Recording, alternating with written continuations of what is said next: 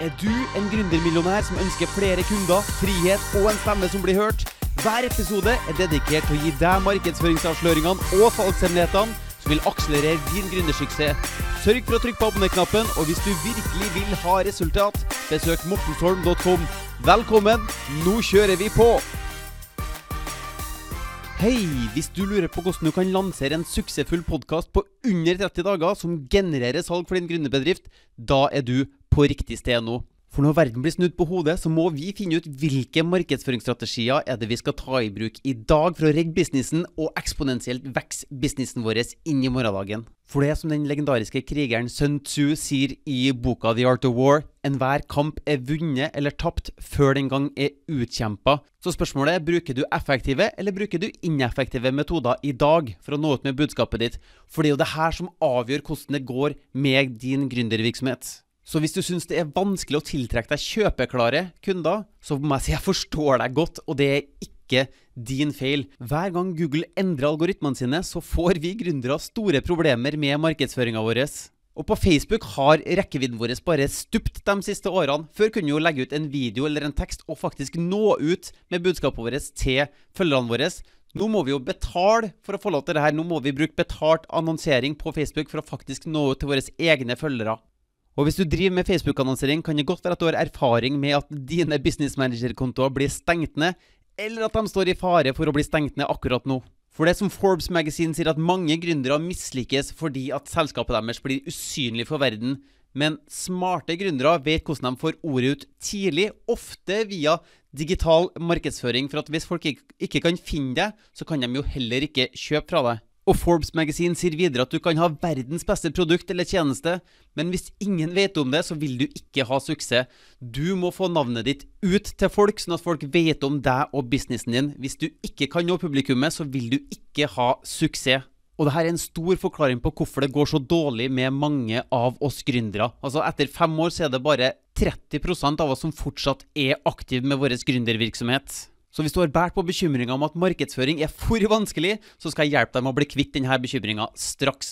For om få minutter vil du bli helt trygg på hvordan du garantert når ut til dine potensielle kunder med budskapet ditt, og samtidig unngår å svi av et stort markedsføringsbudsjett som sender deg inn i pengenød. For jeg vet at lave åpningsrater på e-postene dine kan hindre deg fra å nå ut med budskapet ditt, og jeg vet at algoritmene til de sosiale mediene krever penger for at du skal nå ut til ditt publikum. Så hvis du føler at de her annonseplattformene bryr seg mer om å tjene penger enn å hjelpe deg med å nå ut med budskapet ditt, så har du kanskje rett i det. Men det er fullt mulig å lykkes for dem som klarer å tilpasse seg dagens situasjon. I hver nedgangstid så er det alltid noen som lykkes. Og ifølge DNB så på sikt trenger Norge 77 460 nye bedrifter årlig fram mot 2040 for å kunne bevare dagens velferdsmodell. Og bare i første kvartal i 2020 så ser vi at det var nesten 20 000 nye bedrifter i Norge som starta. Og ved forrige nedgangstid så var det mange av de store merkevarene i dag som virkelig skøyt fart. Så Derfor ønsker jeg at vi nå skal se på hvordan du kan skaffe deg kjøpeklare kunder i kø uten at du må sløse bort penger på annonsering eller bli begrensa av dårlige åpningsrater på dine e-poster. Og jeg vet at det er tusenvis av andre ting du kunne ha brukt tida di på nå, så jeg skal gjøre alt jeg kan for at du skal få et viktig utbytte nå umiddelbart. Så mitt løfte til deg er at du skal ikke ende opp på Gründerkirkegården fordi at du ikke klarte å nå ut med budskapet ditt. For som DNB sier, på sikt trenger Norge 77 460 nye bedrifter årlig fram mot 2040 for å kunne bevare dagens velferdsmodell. Så jeg er topp motivert for å få deg til å lykkes med din gründervirksomhet. Så det som kanskje kommer litt overraskende på deg nå, er at jeg har vært fotballtrener i over 20 år, hvor de siste ti årene har vært på fulltid som profesjonell fotballtrener bl.a. for NFF, hvor jeg har eh, trent aldersbestemte landslag. Og jeg har fått lov til å følge de mest talentfulle fotballspillerne i Norge over tid, og sett hva det er som skal til for å lykkes. Og den ekspertisen jeg har bygd opp over tid på spillerutvikling fotball, fant jeg ut at det er jo noe jeg også kan selge gjennom å lage e-bøker, online-kurs, coaching osv. Så, videre. så som gründer så har jeg solgt digitale produkter både i Norge og eh, internasjonalt. Og jeg har lansert eh, flere podkaster, både innenfor fotballtrening og digital markedsføring. Og da jeg først kom online med gründervirksomheten min, så var det for å bli mer synlig for mine drømmekunder, finne flere kunder og unngå denne gründerkirkegården. Og jeg håpa jo også å kunne effektivisere virksomheten min, sånn at jeg slapp å være så mye bort fra familien min. Kanskje er du også en sånn gründer som bruker så sykt mye tid på gründervirksomheten din at du får litt dårlig samvittighet noen ganger. Så etter hvert lærte jeg meg hvordan jeg kunne kjøre eh, annonser på Facebook inn til ei landingsside hvor folk kunne registrere seg med e-postadressen sin, sånn at jeg kunne begynne å sende dem e-poster, få dem til å klikke på e-posten som jeg sendte dem, og inni der kunne jeg gi dem verdi i form av en video eller en PDF eller et eller annet form for undervisningsmateriell som de kunne lære seg å like meg og stole på meg gjennom. Og så til slutt så kunne jeg prøve å oppfordre dem til en transaksjon og gi meg penger. Så her var liksom hele det her uh, mønsteret jeg lærte meg da jeg først kom online. Kjør en Facebook-annonse til ei landingsside, sånn at du får e-posten deres. Send dem e-poster. Inni e-postene må de klikke på noen lenker til en eh, video eller en PDF, sånn at du kan bygge den relasjonen du trenger for å selge. For det er jo sånn at det er jo gjennom denne relasjonen at de begynner å like oss og stole på oss, sånn at de blir villige til å gjøre handelen med oss. Men det var jo ikke bare å trykke på en knapp og så vente på at pengene skulle komme inn med den modellen her. For det første, da. Eh, det er 0,9% som ender opp med å trykke på denne eh, Facebook-annonsen.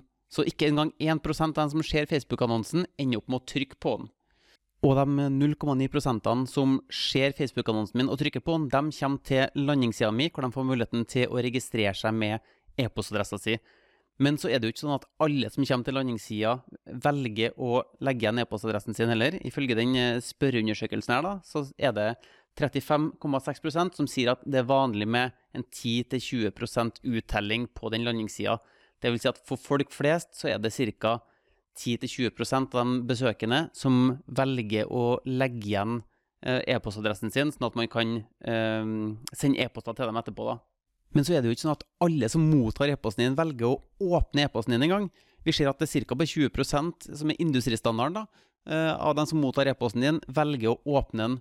Og hvis du lenker til en PDF eller en video, så er det nesten ingen som ender opp med å trykke på den. Og som vi vet, så er det jo der relasjonsbygginga Det er jo her de lærer seg å like oss og stole på oss og bygge opp denne kjøpeviljen. Så jeg begynte å frykte at jeg var på god vei mot å bli en mislykka far da jeg fant meg sjøl i å sitte på mobilen og forbedre de her prosentene mine på 17. mai. Pappa må ha seg bedre landingsside, bedre Facebook-annonse, bedre åpningsrate på mailen. Jeg begynte å lure på er jeg helt uh, på ville spor her. Men jeg hadde jo sett etter råd over alt på internett av sånne digital markedsføringsguruer. Uh, og som en konsekvens av det her, så ble min egen innboks stappfull av e-postene fra de her eh, guruene på digital markedsføring. Og etter hvert så ble det så mye støy at sjøl om jeg ønska å lese alle de her e-postene, så fikk jeg jo ikke gjort det. Jeg endte opp med å skumlese noen av dem mens jeg satt på do, eller da jeg var i farten. Og Riktignok fikk jeg med meg en spennende e-post om hvordan den gamle markedsføringsmodellen med lead magnet og e-postmarkedsføring hadde noen begrensninger, men Plutselig fikk jeg jo den gråtende dattera mi i fanget, og så ble jo den lesestunden over, da. Men litt senere så hørte jeg på en podkast at Frank Kern, som er en digital markedsfører, han brøyt ned digital markedsføring på en svært enkel måte. Han sa at det fantes en gammel og ineffektiv metode som jeg kanskje kjente igjen litt for godt, som gikk ut på at man kjører en Facebook-annonse til landingsside hvor folk registrerer seg med e-post, åpner e-posten, klikker på lenker, og så skjer relasjonsbygginga som må til for å kunne selge. Så hvis salget mitt avhenger av at jeg klarer å bygge en relasjon som gjør at kunden liker meg, stoler på meg, ønsker å kjøpe av meg, da blir jo spørsmålet hvor effektiv er egentlig den modellen her? Så hvis vi legger til grunn de prosentene vi har sett på så langt, så vet vi at 1 million mennesker ser annonsen, og da er det 0,9, eller hvis vi runder opp, da, 1 av dem ender opp på å trykke på den annonsen og går til landingssida vår. Så da er det 10 000 personer som klikker på annonsen og går til landingssida. Og på landingssida er det 20% av dem som velger å registrere seg med e-postadressen. Så det er 2000 personer som gir meg e-postadressen deres. Og så må de åpne e-posten, og da vet vi at standard, industristandarden er 20% åpningsrate. Vil si at det er 400 personer som åpner e-posten og ser e-posten min. Også innen e-posten så lenker jeg ofte til en video eller en PDF eller noe som skal bygge relasjoner da, og gi verdi. Og da er det bare 3,5% som vi vet at ender opp med å trykke på den. Og det vil si at det er 70 personer da, som begynner å se på videoen, eller som begynner å lese teksten, så vet jeg ikke om de fullfører med, med det her. Og vi betaler jo per 1000 inntrykk på Facebook, så spørsmålet blir hvor hvor bra er den modellen her, da? Men han gikk videre til å si at det finnes en ny modell hvor du bygger relasjon med én gang, istedenfor å lage ei svær hinderløype rett foran um, drømmekunden vår. Så hørte jeg på en podkast av Pat Flynn som heter Smart Passive Income, hvor han sa at uh, i verden nå så er det ca. 600 millioner blogger, og det er 23 millioner YouTube-kanaler, men at det er omtrent bare en million podkaster. Så det betyr at for hver ene podkast så finnes det 750 blogger og 29 YouTube-kanaler som kjemper om akkurat den samme oppmerksomheten. Så gikk han videre til å fortelle meg at hvis du klarer å se for deg hva den enorme muligheten var å begynne med blogging i 2004, så kunne jeg forstå hva slags fantastisk mulighet vi står overfor i dag med podkasting. Eller som Gary Vaynerchuk, Gary V, sier det. Podcasts are winning. It's underpriced. That's it. It's just very simple. It's very simple. So, so I, you know, I hear you on the library. I'm just putting that aside for a second. I'm trying to be practical of uh, what would I do if I was running this business. I think you should really debate the podcast. I think you're, you would crush. It would matter. Så Gary Vaynerchuk er en mann som liker statistikk og tall, og han gikk videre til å si at 76,8 av podkastlyttere lytter til podkast mer enn sju timer hver eneste dag og at den gjennomsnittlige podkastlytteren hører gjennom hele episoden, uavhengig av episodelengde, i mer enn 80 av gangene. Og her snakker vi om altså, Joe Rogan Experience er tre timer lange episoder, og folk er på plattformen og hører på de her podkastepisodene hele veien gjennom. Og da først gikk lyset opp for meg. Det er mulig at jeg lærer litt langsomt, men folk hadde jo forsøkt å fortelle meg det her på e-post tidligere om at podkasting er der du faktisk treffer folk, men jeg hadde jo ikke klart å få det med meg. Som i likhet med dama her, som stod på mobilen mens hun var unge. Sånn var jeg også. Jeg var på farten når folk prøver å snakke til meg på e-post. Da, da, da, har jeg ikke alltid anledning til å følge med på hva folk uh, har å si til meg.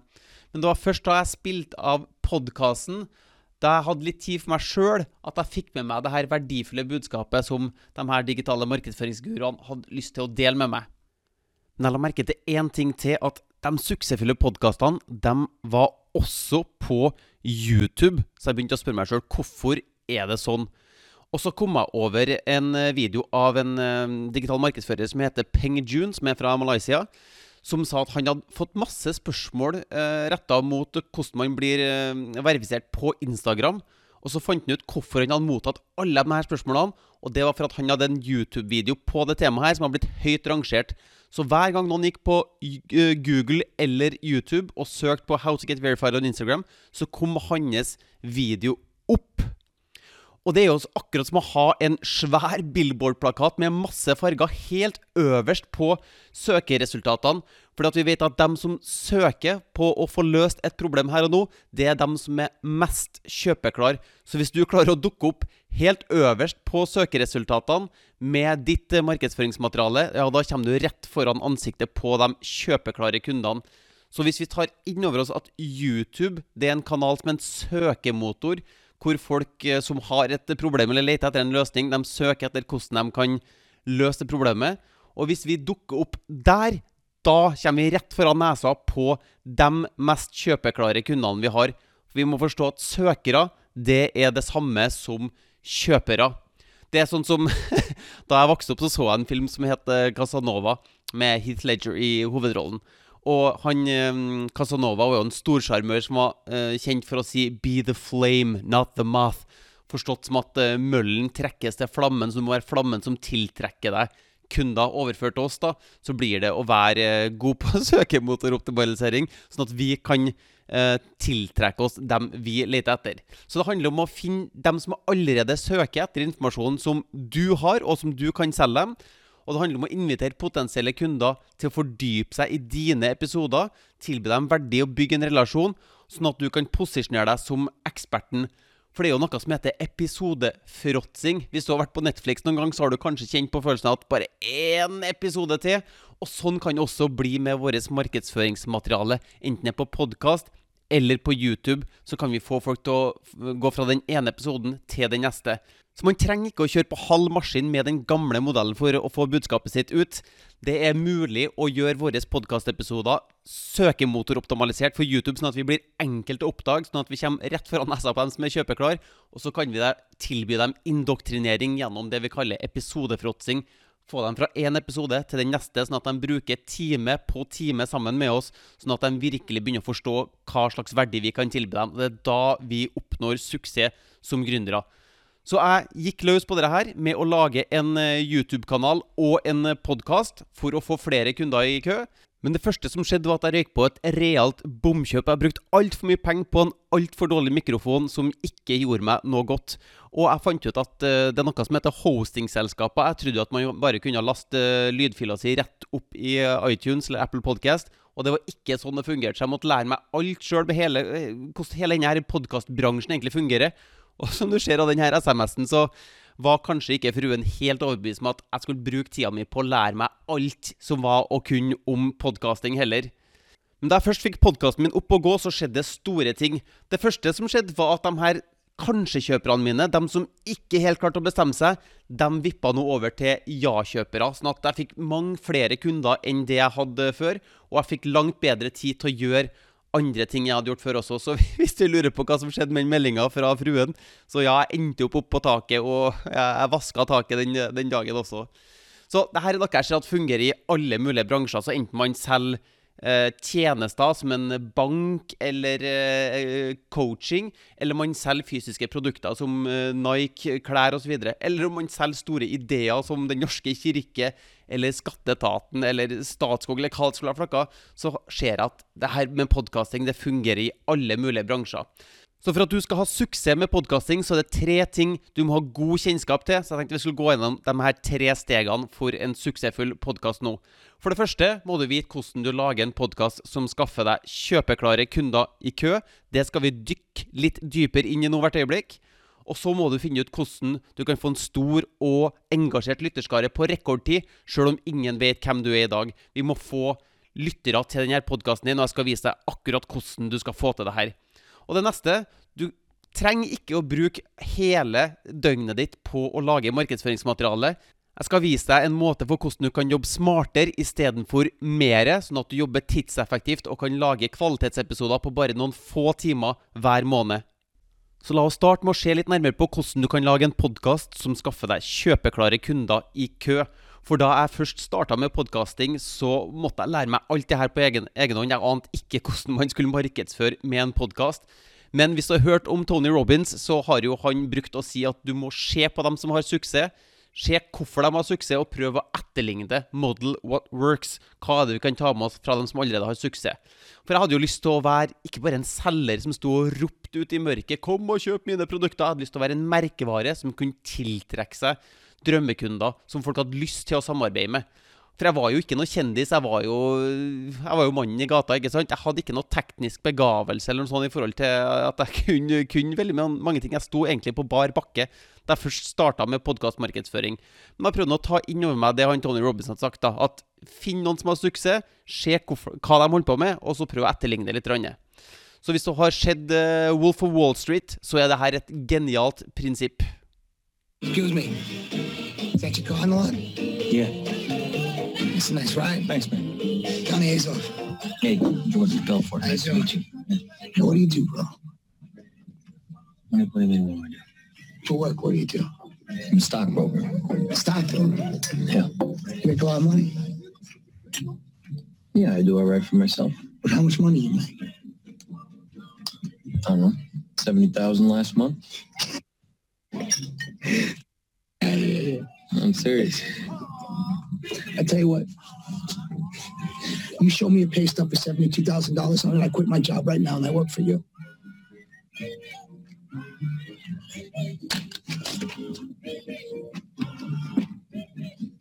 Hey, Paulie, what's up? No, yeah, no, everything's fine. Hey, listen, I quit. Legendarisk scene som viser det her prinsippet på en god måte, som jeg tok med meg inn og kikka på de her eh, forskjellige podkastene som hadde suksess, for å finne ut hvem hva gjør dem som har en suksessfull podkast, egentlig? Så jeg måtte finne ut hvem er det som allerede har suksess i min nisje, i mitt, i mitt marked, i min bransje. Så jeg brukte denne oppskrifta her. Jeg så på forsidebildet. Hvordan ser bildene ut på en podkast som har uh, suksess?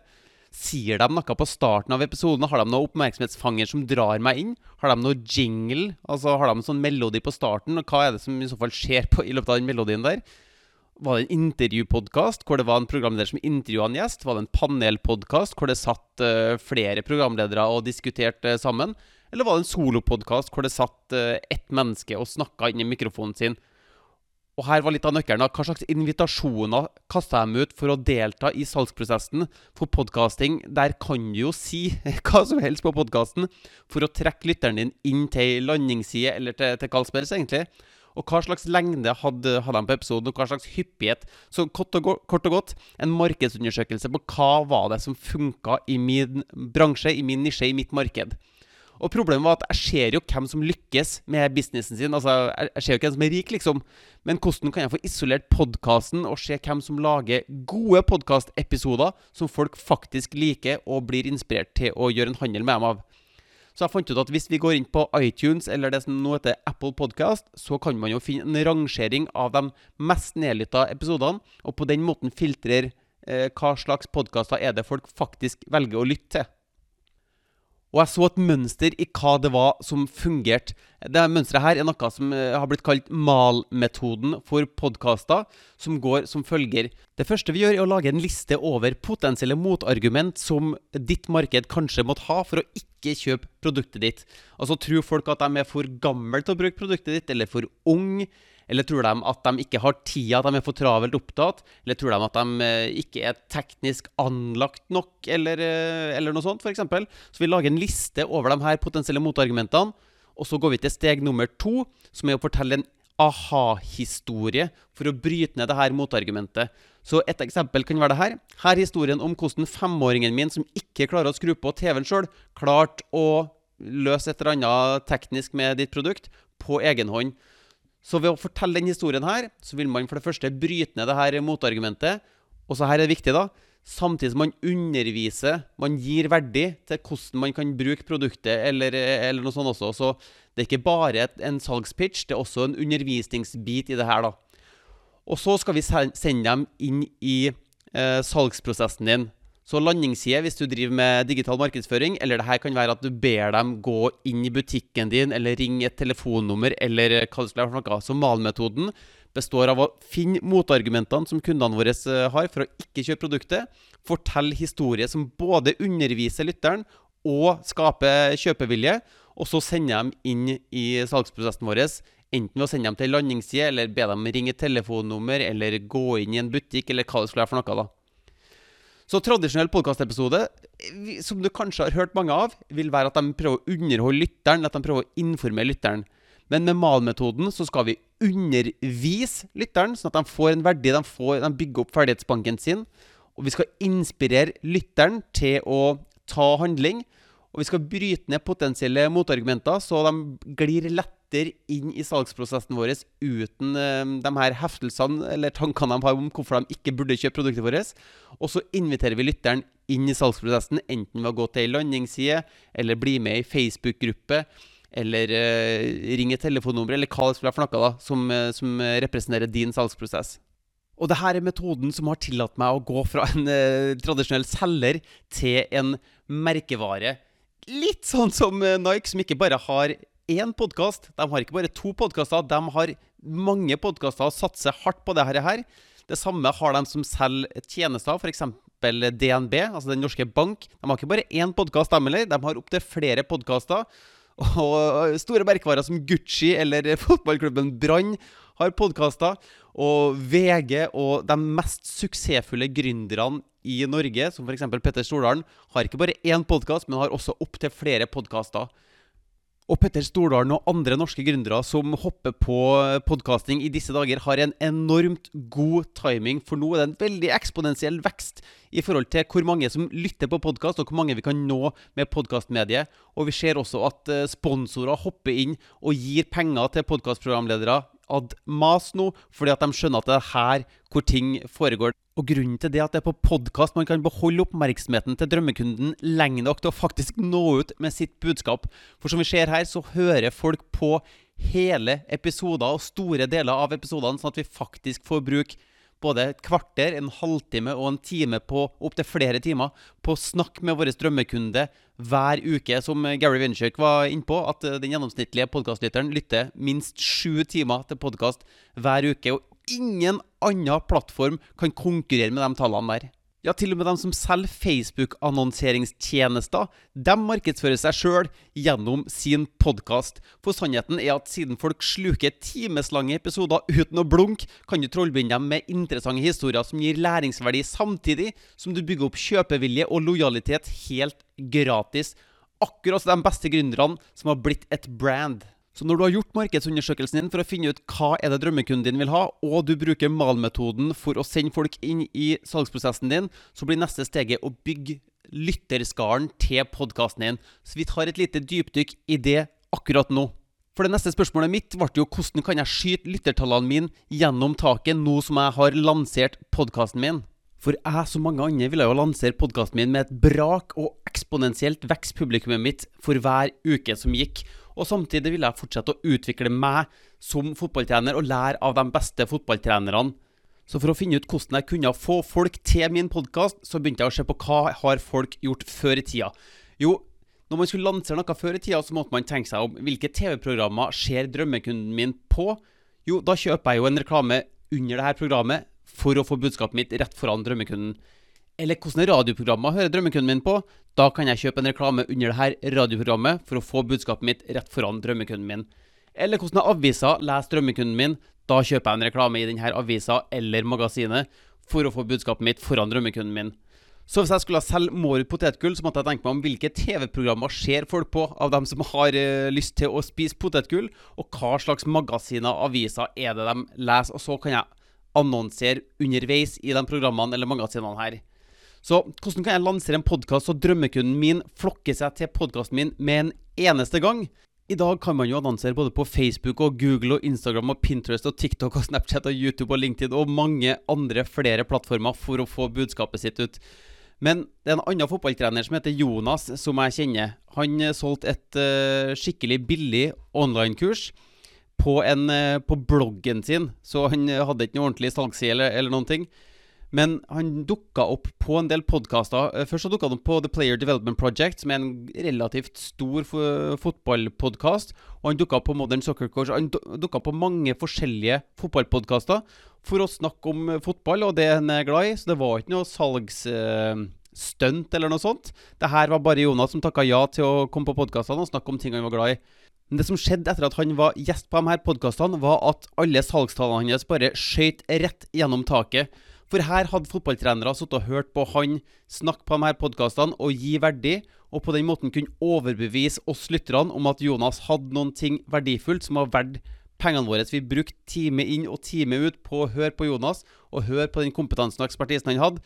Så folk rusha til salgssida hans, uansett hvor middelmådig den salgssida var, og kjøpte online-kursene hans, og salgene hans bare skjøt rett gjennom taket.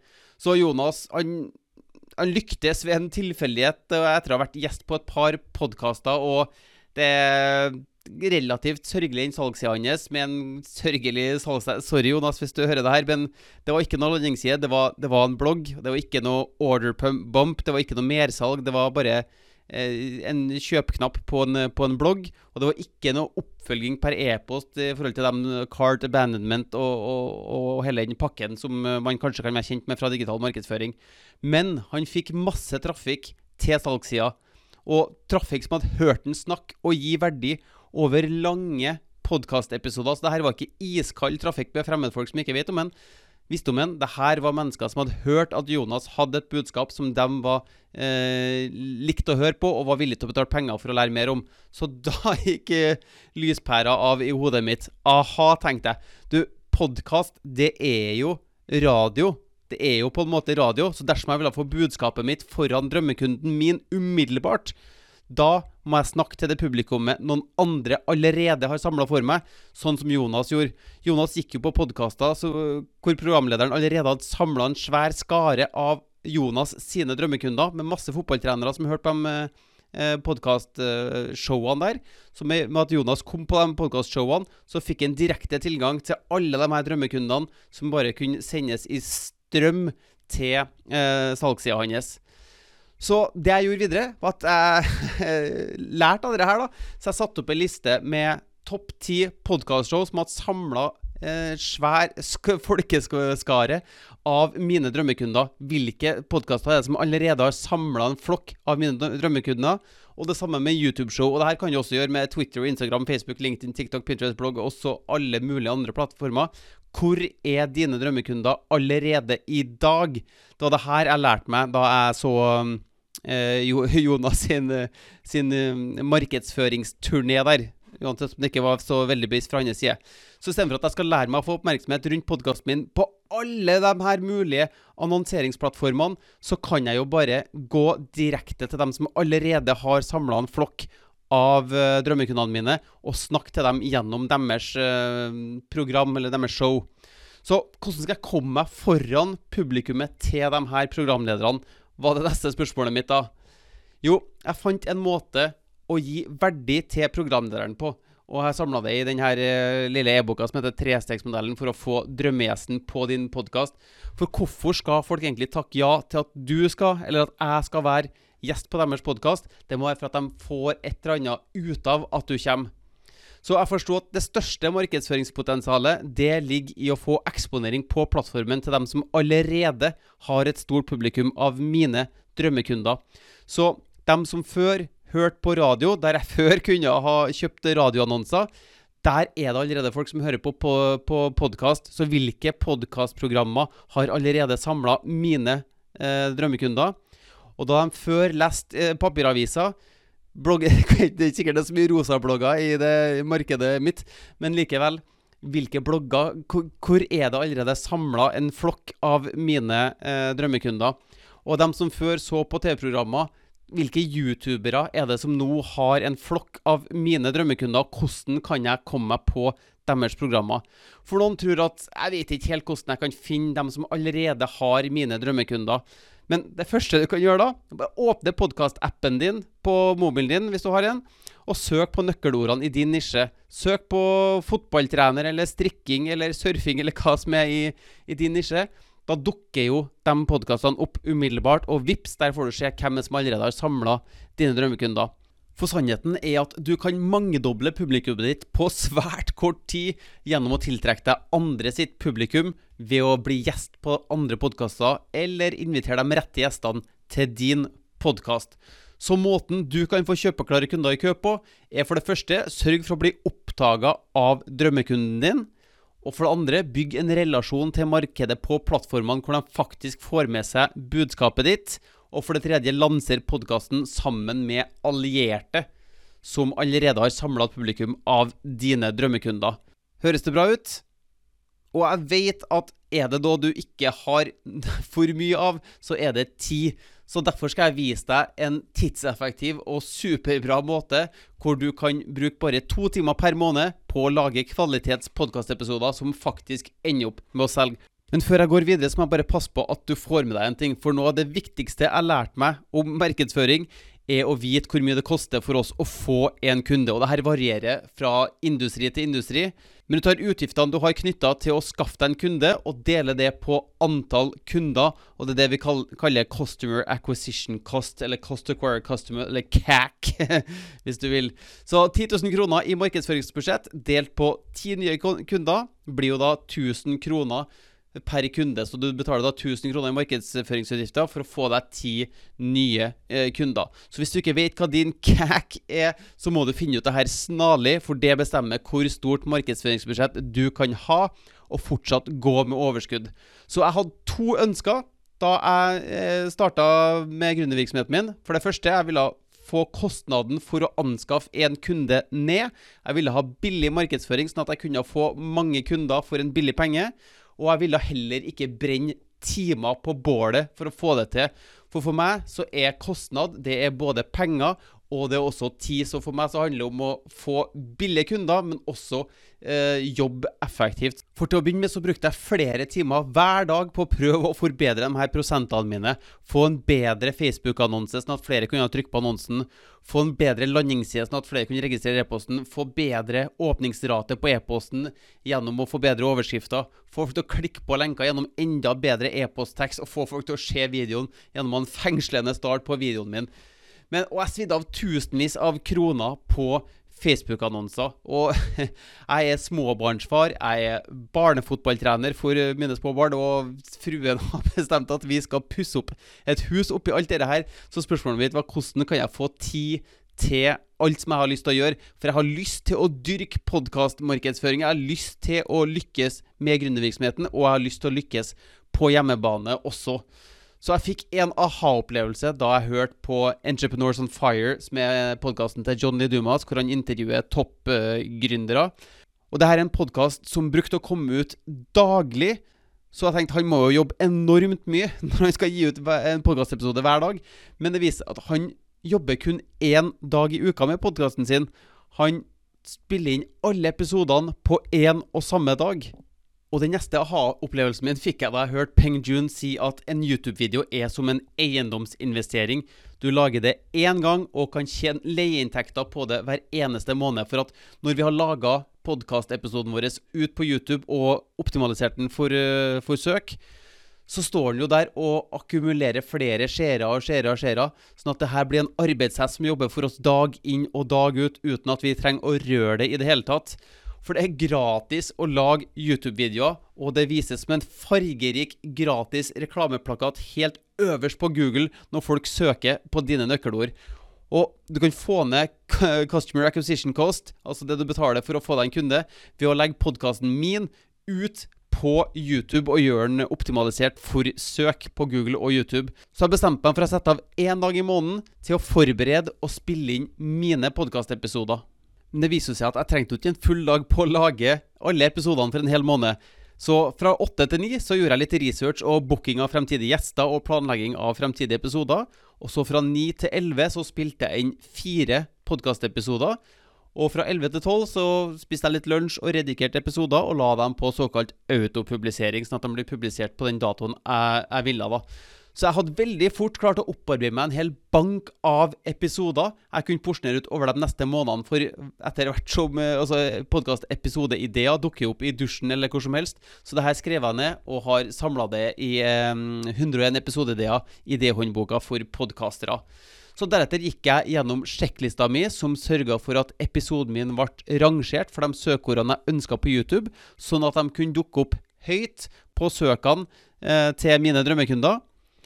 Men ting fungerte ikke helt umiddelbart. Jeg klarte å være tidseffektiv med å spille inn podkastepisodene mine, men jeg fikk litt for få seere på YouTube i forhold til det jeg hadde skjedd for meg. For jeg skjønte ikke til å begynne med at jeg måtte kombinere søkeord med oppmerksomhetsfangere. Jeg hadde lært meg å gjøre videoene mine eh, høyt rangert, sånn at søkemotoren skjønte at jeg her var rikt på, på nøkkelord. Men jeg hadde ikke lært meg på det tidspunktet å skrive fengende titler, sånn at folk hadde lyst til å klikke på det og lage såkalte thumbnails, sånne bilder, sånn at det var eh, nysgjerrighetsskapende, og folk ville trykke på det. Men da jeg lærte meg det, så fikk jeg redusert cacken min, så customer acquisition-kosten min falt dramatisk. Og jeg fikk mer tid til å være sammen med familien min, samtidig som det gikk ålreit eh, med businessen min også. Og det er denne teknikken for arbeidseffektivisering alle de beste podkasterne bruker i dag. Men sannheten er at det tar bare én arbeidsdag, eller to timer i mitt tilfelle, per måned å lage alle episodene for en hel måned med podkast. Så nå har du sett at du kan få suksess med podkast ved å følge de her tre enkle stegene som vi akkurat har gått gjennom. Men la meg stille deg et spørsmål. Hvis du følger det vi snakka om i steg 1, og lager en podkast til å indoktrinere dine følgere og gjøre den supersynlig for de mest kjøpeklare drømmekundene i ditt marked gjennom søkemotoroptimalisering på YouTube, og så bruker du det vi snakka om i steg nummer to, hvor du drar nytte av at andre allerede har samla flokker med dine drømmekunder allerede, som hører på budskapet ditt. Og så bruker du det du har lært i steg tre, om å jobbe fokusert i kun noen få timer hver måned for å produsere episodene dine, sånn at du får mer tid til å bruke på andre ting. Tror du at du kunne ha lyktes med podkastmarkedsføringen da? Eller føler du deg litt overvelda? For det er umulig å få inn alt du trenger for å lykkes på en såpass kort presentasjon som det jeg viser deg her. Men du kan ta med deg det her og forsøke å implementere det på egen hånd. Eller så kan jeg følge deg steg for steg gjennom denne prosessen og passe på at vi gjør alt i riktig rekkefølge og på riktig måte, så vi blir helt sikre på at du lykkes. Så da har jeg tre muligheter til deg. For det første så kan jeg gjøre absolutt alt sammen for deg. Eller så kan vi gjøre det sammen. Eller så kan du få oppskrifter og trening du trenger for å gjøre dette her sjøl. Så i den pakken hvor jeg gjør alt sammen for deg, så vil jeg designe forsidebildet og optimalisere det for å få oppmerksomhet. Du vil få rådgivning på podkasttittelen, sånn at det blir søkemotoroptimalisert, sånn at folk kan finne deg inn i podkastavspilleren hvis de søker på nøkkelord i din bransje. Eh, jeg vil lage og redigere jingle, denne melodien som er på starten og eventuelt slutten av podkasten. Jeg vil sette opp alt det tekniske med hostingselskapet og oppkobling mot Apple Podcast eller iTunes, som det het før, Spotify, Google Play osv. Jeg kan publisere alle podkastepisodene dine automatisk. Du vil få rådgivning på episodetitler for klikkoptimalisering, sånn at vi lager litt uh, nysgjerrighetsskapende titler, så folk har lyst til å klikke på og høre på episoden din. Jeg kan publisere episodene på YouTube for deg og gjøre episodene optimalisert for søkemotor. Og lage eh, såkalt thumbnail for klikkoptimalisering. Så jeg kan gjøre absolutt alt sammen for deg. Så hvis du vil ha resultat kjapt, så er den pakken her for deg. Og hvis du vil slippe å bruke tid og energi på å sette deg inn i alt det tekniske, da er den pakken her for deg. Og hvis du verdsetter din egen tid høyt, da er den pakken her for deg. Så da kan du trykke på denne podkastepisoden inni podkastavspilleren din. Trykk på 'detaljer' for å lese mer, og der vil du finne ei lenke som du kan trykke på, som vil da ta deg til Facebook Messenger-chatten, hvor jeg og du kan snakkes litt mer om det her, og eventuelt ringes hvis du er mer komfortabel med det. Eller i pakke nummer to så kan jeg gjøre det sammen med deg. Og da får du podmarkedsføring, som er et eh, fireukers online-kurs som viser deg steg for steg hvordan vi skal lansere din podkast innen 30 dager. Du vil få en utstyrsguide for nye podkastere, sånn at du finner både gratisutstyr, eh, premiumutstyr og kvalitetsutstyr til en rimelig pris, sånn at du kommer godt i gang med utstyret ditt. Og du vil få kart til din markedsanalyse, sånn at vi klarer å finne ut hvem er det som har suksess i din bransje, og eh, hvordan kan vi hente det ut som inspirasjon og lage din podkast basert på det, da. Eh, og du vil også få malmetoden for podkastere. De ni stegene til podkastepisoder som selv, sånn at vi kan lage gode podkastepisoder som faktisk ender opp med inntjening til din eh, gründervirksomhet. Du vil også få trestegsmodellen for å få drømmegjesten på din podkast, samt at jeg skal vise deg hvordan du kan bli gjest på andre sine podkaster. Dette er de andre som da allerede har samla dine drømmekunder i flokk. Og Du vil også få en intervjuguide som konverterer, sånn at når du har gjester, så vil du kunne stille de spørsmålene som publikummet ditt eh, trenger å høre for å bygge opp litt eh, kjøpevilje. Så mitt løfte til deg er at du skal ikke ende opp på Gründerkirkegården fordi at du ikke klarte å nå ut med budskapet ditt. For som vi har vært inne på flere ganger nå, vi trenger at du skal lykkes for å opprettholde det fantastiske samfunnet og dagens velferdsmodell som vi har i Norge. Og du skal ikke må ofre privatlivet ditt for å lykkes som gründer.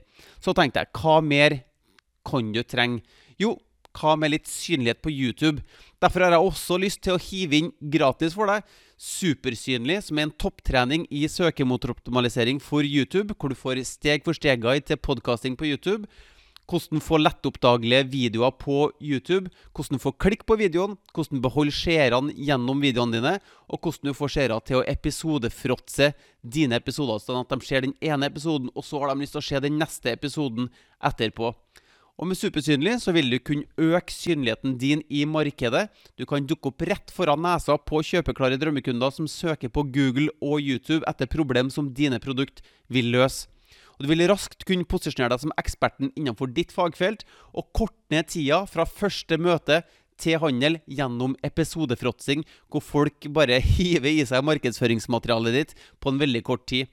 Og du kan få en arbeidshest som markedsfører for deg døgnet rundt med denne YouTube-kanalen. Og med Supersynlig så kan du kvitte deg med usikkerheten om hvordan du skal nå ut med ditt budskap, og frykten for å kaste bort tid på markedsføringsstrategier som ikke fungerer.